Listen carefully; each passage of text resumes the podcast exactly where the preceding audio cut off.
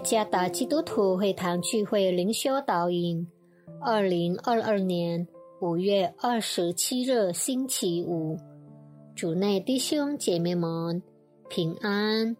今天的灵修导引，我们会借着圣经《使徒行传》第八章第二十九到三十节和三十六到三十七节来思想今天的主题。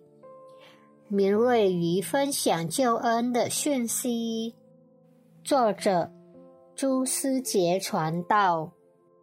使徒行传第八章第二十九到三十节，圣灵对腓力说：“你去贴近那车走。”腓力就跑到太监那里，听见他念生之以赛亚的书，便问他说。你所念的，你明白吗？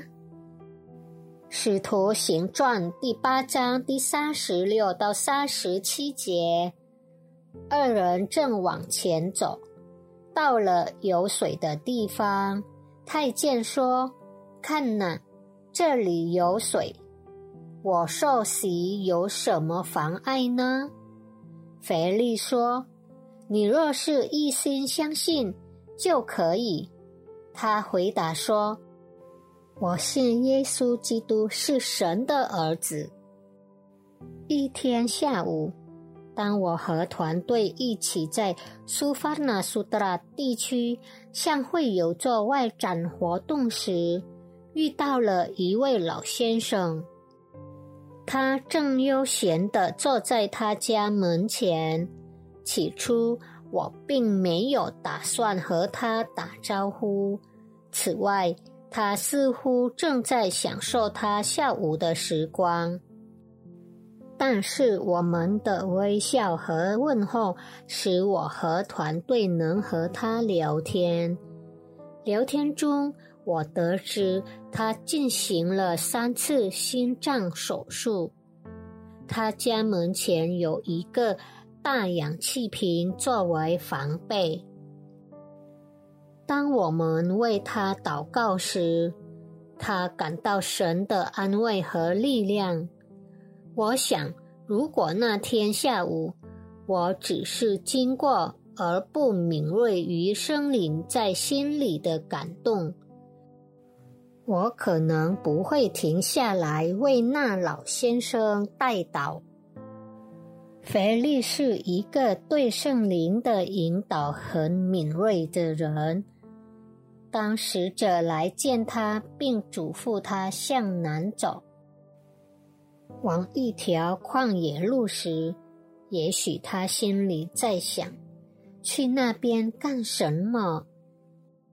然而，那敏锐感带他遇见了一个不明白先知以赛亚书的埃提亚伯人。不仅如此。腓力成功的解释，甚至带他受洗。这一切当然不是因为腓力的努力，而是圣灵的带领。生活被圣灵引导的人，会喜欢传扬救恩的信息。他会感觉到有声音在感动他，向他所遇到的人。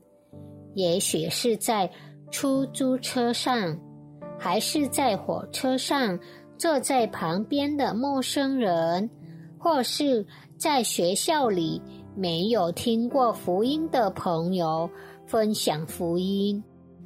有时候，有些人会用许多借口来推辞圣灵对传福音的催促。